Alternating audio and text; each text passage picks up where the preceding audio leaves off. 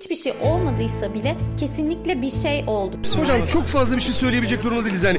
Bu duruş... olsun. Eyvallah sağ olun. Ee, bir şey oluyor yani. Bir şey oluyor. Ben bilmiyorum. Gezi davasının karar duruşması 18 Şubat'ta görüldü. Duruşmaya giderken herkeste bir gerginlik vardı. O, tam iki buçuk yıl önce tutuklanan Osman Kavala ahim kararına rağmen tahliye edilmemişti. Savcının iki duruşma arasında alelacele mahkemeye sunduğu mütalada 3 sanık için ağırlaştırılmış müebbet, diğerleri için de 20 yıla varan hapis cezaları isteniyordu. Haber podcastle buluştu. Kısa Dalga yayında. Bizi Kısa Dalga Net ve podcast platformlarından dinleyebilirsiniz. Mahkeme heyetinin duruşmadaki tutumu da daha önceki duruşmalardaki tutumları da herkesi umutsuzluğa sevk etmişti. Yani nasıl sevk etmesin ki? Bundan önceki benzer davalarda yaşananlar hala aklımızda. Gezi duruşması hem öncesiyle hem de sonrasıyla insanlara üzüntü, hayal kırıklığı, çaresizlik, şaşkınlık, umut ve öfke gibi duyguların neredeyse hepsini yaşattı. Milletvekillerinin, avukatların, gazetecilerin, sanıkların kendi aralarında sohbetlerini takip ettim ve sürekli gelişmelere göre farklı analizler yapıyorlardı. Sürpriz karardan sonra duruşma salonundakilerin ortak esprisi hiçbir şey olmadıysa bile kesinlikle bir şey oldu cümlesiydi. Bu cümleyi hepiniz hatırlarsınız. Malum AKP Genel Başkan Yardımcısı Ali İhsan Yavuz'un iptal edilen İstanbul seçimlerinden sonra kullandığı bir cümleydi. Artık siyasi analizlerin kilit cümlesi haline geldi. Yani hiçbir şey olmamış ise biz diyoruz ki kesinlikle bir şeyler oldu. Evet, Gezi duruşmasında karar verilirken de karardan sonra da yaşananlar o kadar o kadar karmaşıktı ki bu cümleden başka bir izah akla gelmedi. Ben Kısa Dalga'dan Beril Eski. Bu podcast'te size tarihi bir günü ve Gezi duruşmasında yaşananları anlatacağım.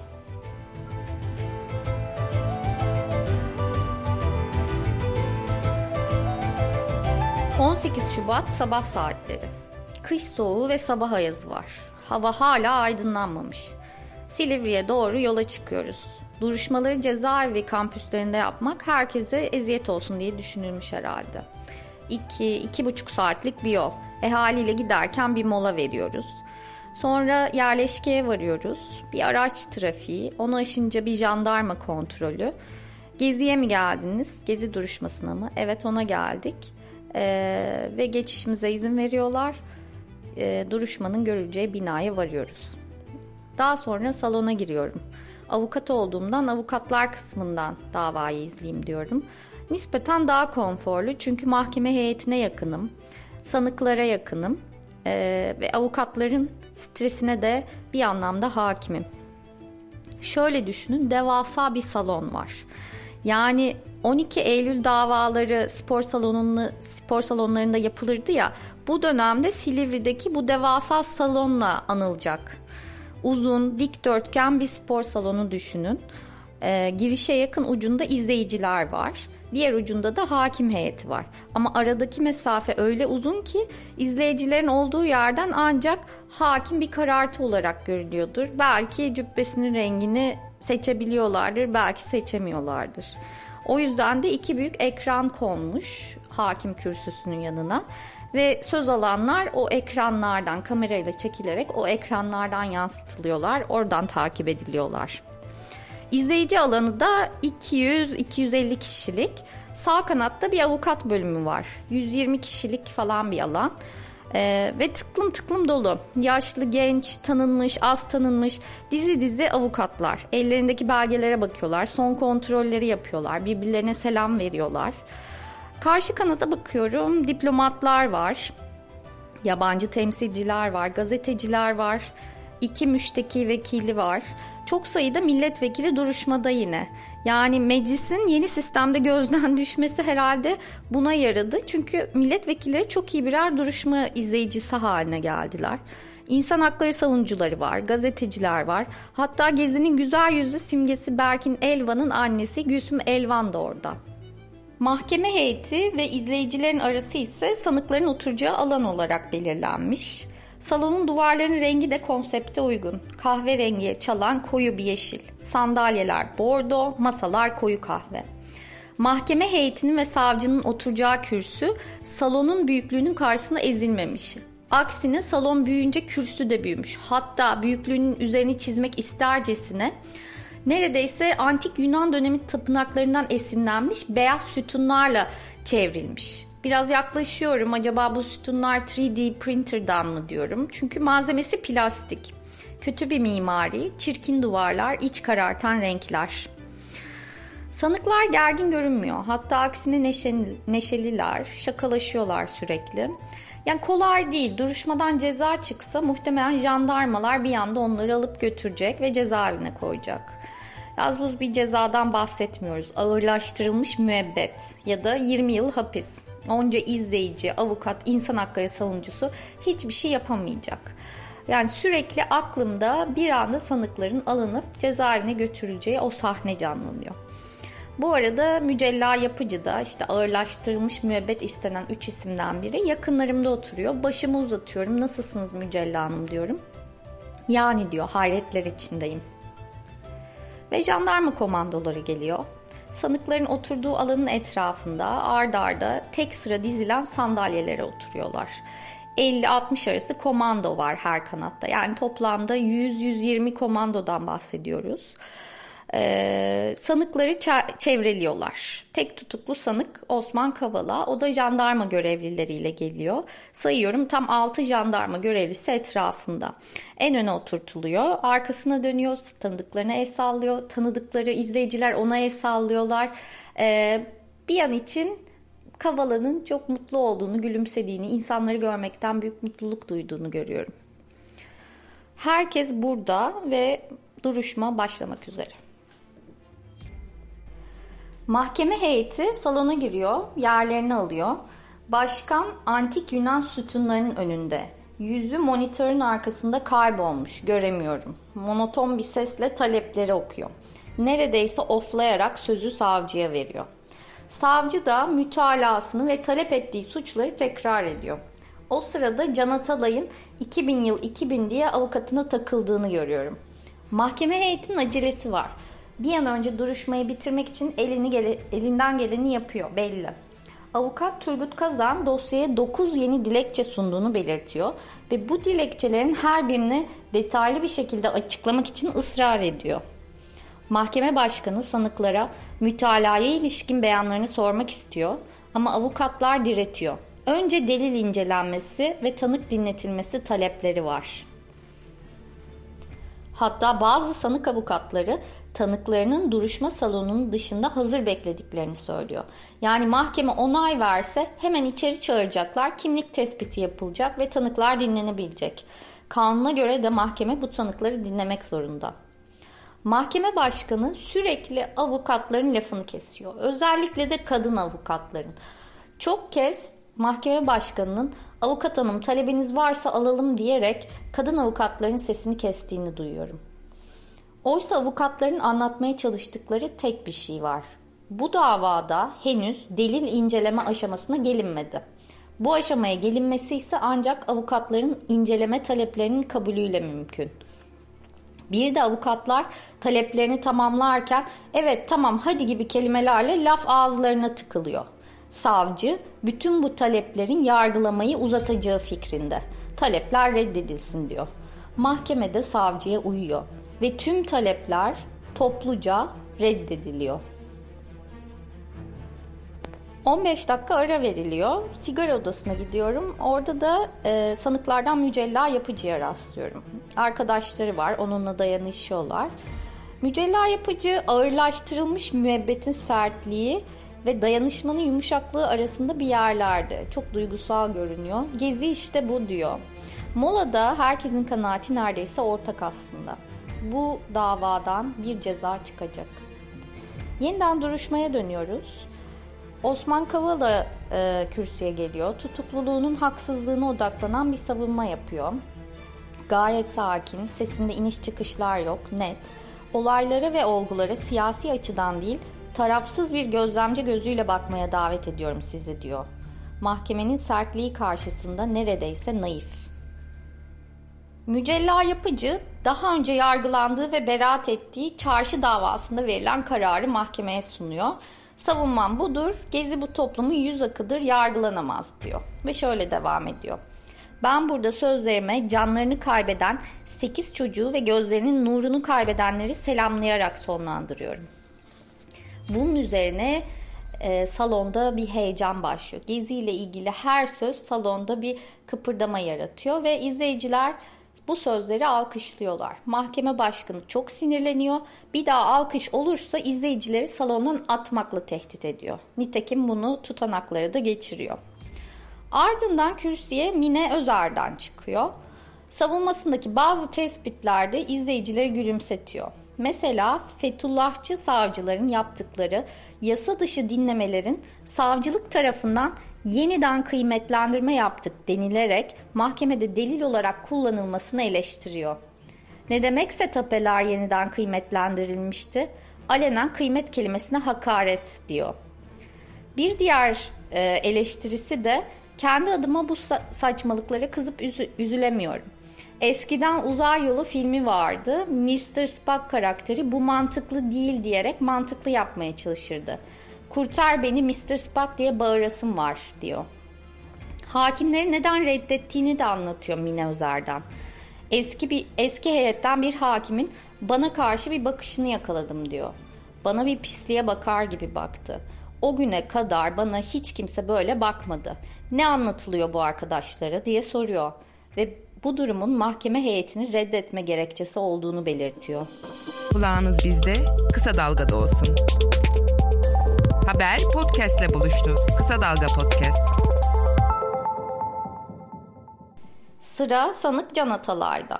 Oldukça ateşli bir konuşma yapıyor. Yani öyle ateşli ki e, uyuklayan jandarma komandoları böyle bir silkiniyorlar kendilerine geliyorlar. Mahkeme başkanının yüzü ekranın arkasından çıkıyor monitörün arkasından. E, Can Atalay'ı dinlediğini görebiliyorum ve yüzünü görüyorum aslında. Atalay mahkemeyi ceza usulü ceza usulüyle bağı kalmamakla suçluyor ve iddianameyi de kirli yalan bohçası olarak tanımlıyor. Atalay savcı makamının mütalasını kendisine 11 Şubat'ta yani 7 e, gün önce tebliğ edildiğini, savunma için süre istediğini söylüyor. Sonra da soruyor mahkemeye yani iddianameyi tebliğden 4 ay sonrasında duruşma vermiştiniz. Şimdi nedir bu aceleniz diye. Can Atalay savcılık makamını kopyala yapıştır bir mütalaa hazırlamakla itham ediyor. Öyle ki diyor Atalay bize iddianamede sanık yerine şüpheli demişler. Şüpheli ne zaman sanık olur? Hukuk fakültesi ikinci, bilemedin üçüncü sınıf öğrencisi bile bilir. İmzacı savcılar çok gördük. Fethullahçı hakim ve savcılar da imzacıydı diyor. Konuştukça sinirleniyor Can Atalay. Hatta bir ara soluğu kesiliyor, e, avukatlara dönüyor ve çok mu bağırıyorum diye soruyor. Geziye darbe derseniz 15 Temmuzcuların, 12 Eylülcülerin işini kolaylaştırırsınız diyor Atalay. Belki de istediğiniz budur diye de ekliyor. Bu duygusal konuşma onu kanter içinde bırakıyor. Hatta yerine oturduğu zaman Çiğdem Mater ona bir selpak uzatıyor terini silsin diye. Bir diğer sanık ise şehir planlamacısı Tayfun Kahraman.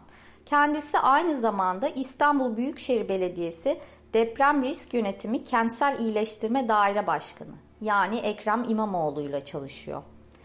Bir zamanlar Gezi Parkı'na yapılacak kışla ve AVM'ye itiraz ettiğimiz için bugün yargılandığımız gibi belki ileride de Kanal İstanbul'a itiraz ettiğimiz için yargılanacağız diyor.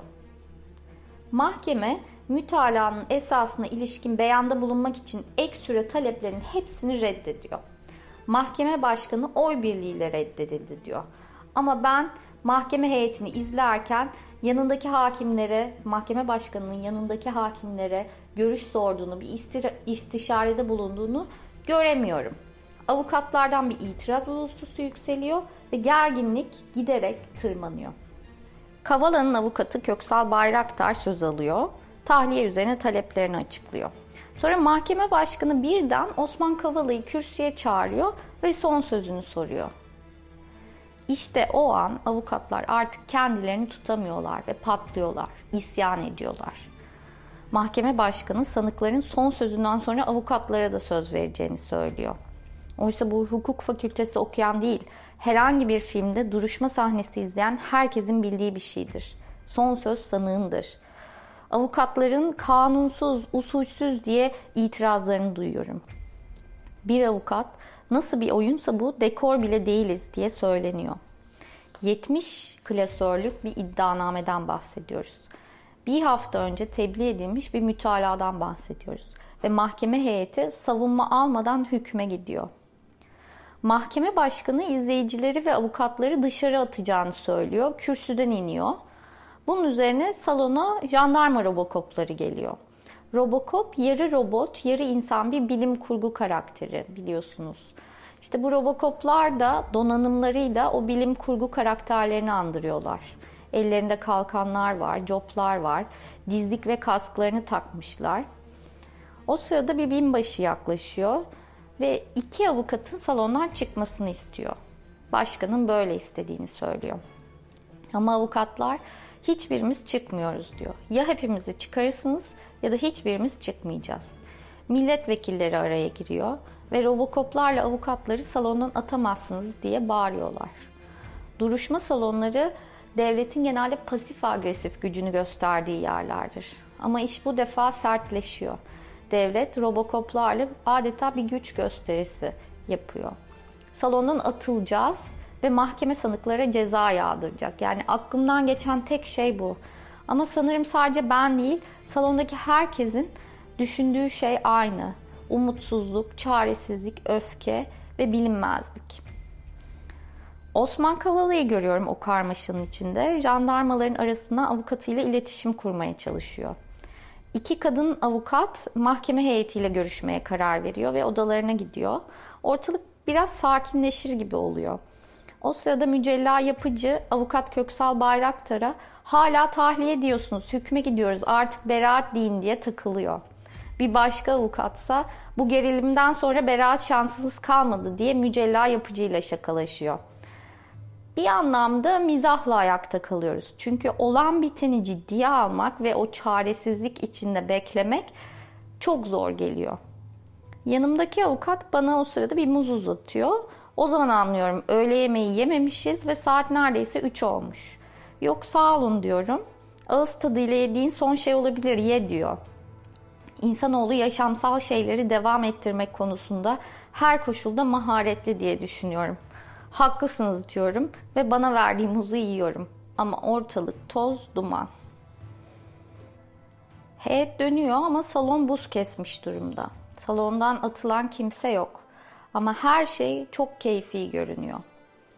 Nitekim avukatlara söz vermiyor başkan. Sanıklardan son sözleri soruluyor. Mücella yapıcı kürsüye çıktığında ''Aa bana bağırmayın ama ben şiddetten hoşlanmam.'' diyor. Ortalık biraz yumuşuyor. Avukatlar itiraz uğultularıyla davayı takip etmeye çalışıyor. Çiğdem Materutku mahkemeye siz bu iddianameyi, bu mütalayı okudunuz mu diye sorduğunda başkan mahkemeye soru sorma diyerek onu azarlıyor. Hepimiz freni patlamış bir arabanın içindeyiz ve ağaca çarpmayı bekliyoruz. Zaman hızlanıyor ve hiçbir şey onu durduramıyor. O an gelecek ve ceza kararıyla yıkılacağız. Sanıklar bu sonu geciktirmek için belki de ek süre istiyorlar.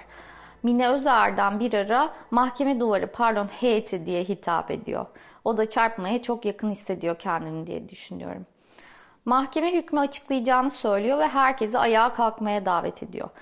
Bazı avukatların yerinden kımıldamadığını görüyorum. Bir tür sessiz protesto yapıyorlar. Ve mahkeme başkanı kararı okumaya başlıyor. Nefesler tutulmuş. Önce mala zarar suçundan beraat diyor. Seyirciler suçu duymadıkları için ya da anlamadıkları için çığlık, kıyamet, beraat diye seviniyorlar. O sırada avukatlar sessiz olun diye seyircilere bağırıyorlar. Bir yandan da diğer suçlarla ilgili kararı duymaya çalışıyorlar. Ve mahkeme diğer suçlardan da beraate ve Osman Kavala'nın tahliyesine karar veriyor. O sırada çığlıklar, alkışlar, gözyaşları, sinir boşalması bir rahatlık anı yaşanıyor. Bütün bunların içinde Osman Kavala ne yapıyor diye bakıyorum çünkü altı jandarmayla etrafı çevrilmiş durumda. Ee, gözlerini siliyor. Muhtemelen mutlulukta gözyaşlarına boğulmuş durumda. Nasıl bir duygu yaşıyor acaba? Hem orada iki buçuk sene tutuklu kalmak hem de böyle bir anda özgür bırakılmak. Duruşma binasının dışına çıkıyorum. İnanılmaz bir kalabalık. Davayı izlemeye gelen yüzlerce kişi jandarmanın bekleme yapmayın, yolu açın uyarılarına rağmen birbirlerine sarılıyorlar, gülümsüyorlar. Havada bir drone var kalabalığı izleyen. Güvenlik araçları bu rahatsız edici kornalarına basıyorlar. Ama kısa bir süre de olsa insanların mutlu olduklarını görüyorum. Hatta uzun bir süre sonra ilk defa kazandıklarını hissettiklerini görüyorum. Ve bu coşku Gezi'den tanıdığımız bir coşku. Sonra Berkin Elvan'ın annesi Gülsüm Elvan'a rastlıyorum. Acısını yüzünde taşıyan bir kadındır Gülsüm Elvan. Ama bu defa güldüğünü görüyorum. Ağzınıza yakın tutarsınız. Ne hissediyorsunuz? Bugün ne hissediyorum? Bugün gerçekten çok mutluyum. Çünkü son ana kadar hatta bir an çıktım yani çıldırdık artık. Hani çünkü yargılamaz burada. Burada suç işleyecek bir şey yok. Suç kendileri işlediler. Sekiz tane çocuğumuz gitti. Onlarca yaralarımız var. Bugün halen bir tanesi e, kafasından yatırdılar ameliyat olacaktı. Pazartesi ertelenmiş. Ama bu son şey bizim için öyle bir umut oldu ki tekrar bize umut geldi. Mücadeleye devam edeceğiz. Uluslararası Af Örgütü kampanyacısı Milena Büyüm ise gözyaşları içinde ve uzattığı mikrofona konuşuyor. Ee, çok çok e, sevinçli ve mutluyum. Özellikle Osman Kavala'nın bugün e, özgürlüğüne erişeceğini, kavuşacağını bilmek beni çok mutlu ediyor. Dün gece e, gözümü kırpamadım doğrusu ve e, tek tek umudum, tek temennim dün gecenin onun cezaevindeki son gecesi olmasıydı. Öyle olması beni daha da mutlu ediyor. CHP İstanbul Milletvekili Sezgin Tanrıkulu ise şaşkın. E, tabii ki çok mutluyum. E, yani olması gereken ama kimsenin de beklemediği bir karardı. Ama Sezgin Tanrıkulu öte yandan da temkinli bir şekilde seviniyor. Çünkü bir şeylerin değiştiğini düşünmek için çok erken. Bu karar, bu davadan beraat karar çıkmış olması Türkiye'nin e, hukuk devleti olduğunu veya diğer yargılamaların adil ve dürüst yapıldığını göstermez. Ama bu dava dünyanın izlediği bir davadı. Avrupa İnsan Hakları Mahkemesi tarihinin en ağır kararlarından bir tanesi Osman Kavala şahsında insan hakları savunucuları için vermişti. Türkiye'deki insan hakları savunucuları için verilmiş ve muhtemelen de büyük daireye gidecek daha ağır bir mahkumiyetin önüne geçilmiş oldu. Hiç olmazsa ayım önünde. Evet, hiçbir şey olmadıysa bile kesinlikle bir şey oldu. Peki ne oldu? Hükümetin gezi protestolarıyla hesabı kapandı mı? Milletvekili Sezgin Tanrıkulu yanıtlıyor. Bence yani en azından biz o defteri kapatmadık. Yani halen o ruhla, o dayanışmayla buradayız. Ama birileri kapatır mı kapatmaz mı o onların bileceği iş. Herkesin içinde bir kuşku. Karara jet hızıyla itiraz edilip Kavala'nın tahliyesi engellenir mi? Saatler geçtikçe itiraz edilmemesi aslında umutları arttırıyor. Ama bir yandan da Kavala'nın tahliyesi geciktikçe gecikiyor. Sosyal medyada AKP'lilerin gezi darbesi diye bir etiket açtıklarını, ee, ve altında bu, bu davada işte mahkumiyet karar verilmesi gerektiğini yazdıklarını görüyorum. Sonra hükümete yakın kanallara baktığımda e, kar, Gezi davasına verilen kararın yerden yere vurulduğunu görüyorum. E, AKP Grup Başkan e, Başkan Vekili Bülent Turan'ın tweetine denk geliyorum. Orada da şöyle diyor. Gezi başarıya ulaşsaydı hükümetlerin sokaklarda kurulacağı bir dönemi yaşayacaktık. Beraat kararı verilse de karar millet vicdanındaki yeri mahkumiyettir. Kaldı ki itiraz hakkı devam ediyor. Yaşanan vandalizmi, saldırganlığı, terörü unutmadık. İlerleyen saatlerde basın açıklaması yapan Cumhurbaşkanlığı Sözcüsü İbrahim Kalın da gezi olayları ile ilgili bir kalkışma olarak ülkeye verdiği zararı unutmamak lazım diyor. İçimden bir şeyler olacak kaygısı geçmeye başlıyor. Bir kere bir kalkışma olarak bu ülkeye verdiği zararı da unutmamamız lazım. Yani e, vandallıktan siyasi kutuplaşmaya, Türkiye'nin gündemine bir takım e, son derece ayrıştırıcı söylemlerin e, sokulmasından mesele o değil bu değil söylemlerine kadar neler yaşadığımızı hatırlayalım. Bir karşı hamleden tedirginlik başlıyor. Oysa hukuken bu o kadar olanaksız ki. Yani beraat kararı verilmiş ve savcı buna itiraz etse bile istinaftan bozma kararı çıkması ve davanın yeniden görülmesi gerekiyor. Yani yeniden tutuklama aynı dava kapsamında mümkün değil. Ama işaretler hiç iyi gözükmüyor. Neredeyse bütün AKP'li belediye başkanları Twitter'dan karar aleyhinde tweet atıyorlar. Hükümete yakın gazeteciler bir anda darbe tehlikesine dikkat çekmeye başlıyorlar. Önce savcının karara itiraz etmek için mahkemeye süre tutum denilen bir ön dilekçe verdiği haberi düşüyor sitelere. Akşam 9 çeyrek sularında Anadolu Ajansı bir haber geçiyor ve Osman Kavala hakkında 15 Temmuz darbe girişimine ilişkin soruşturma kapsamında gözaltı kararı verildiğini duyuruyor.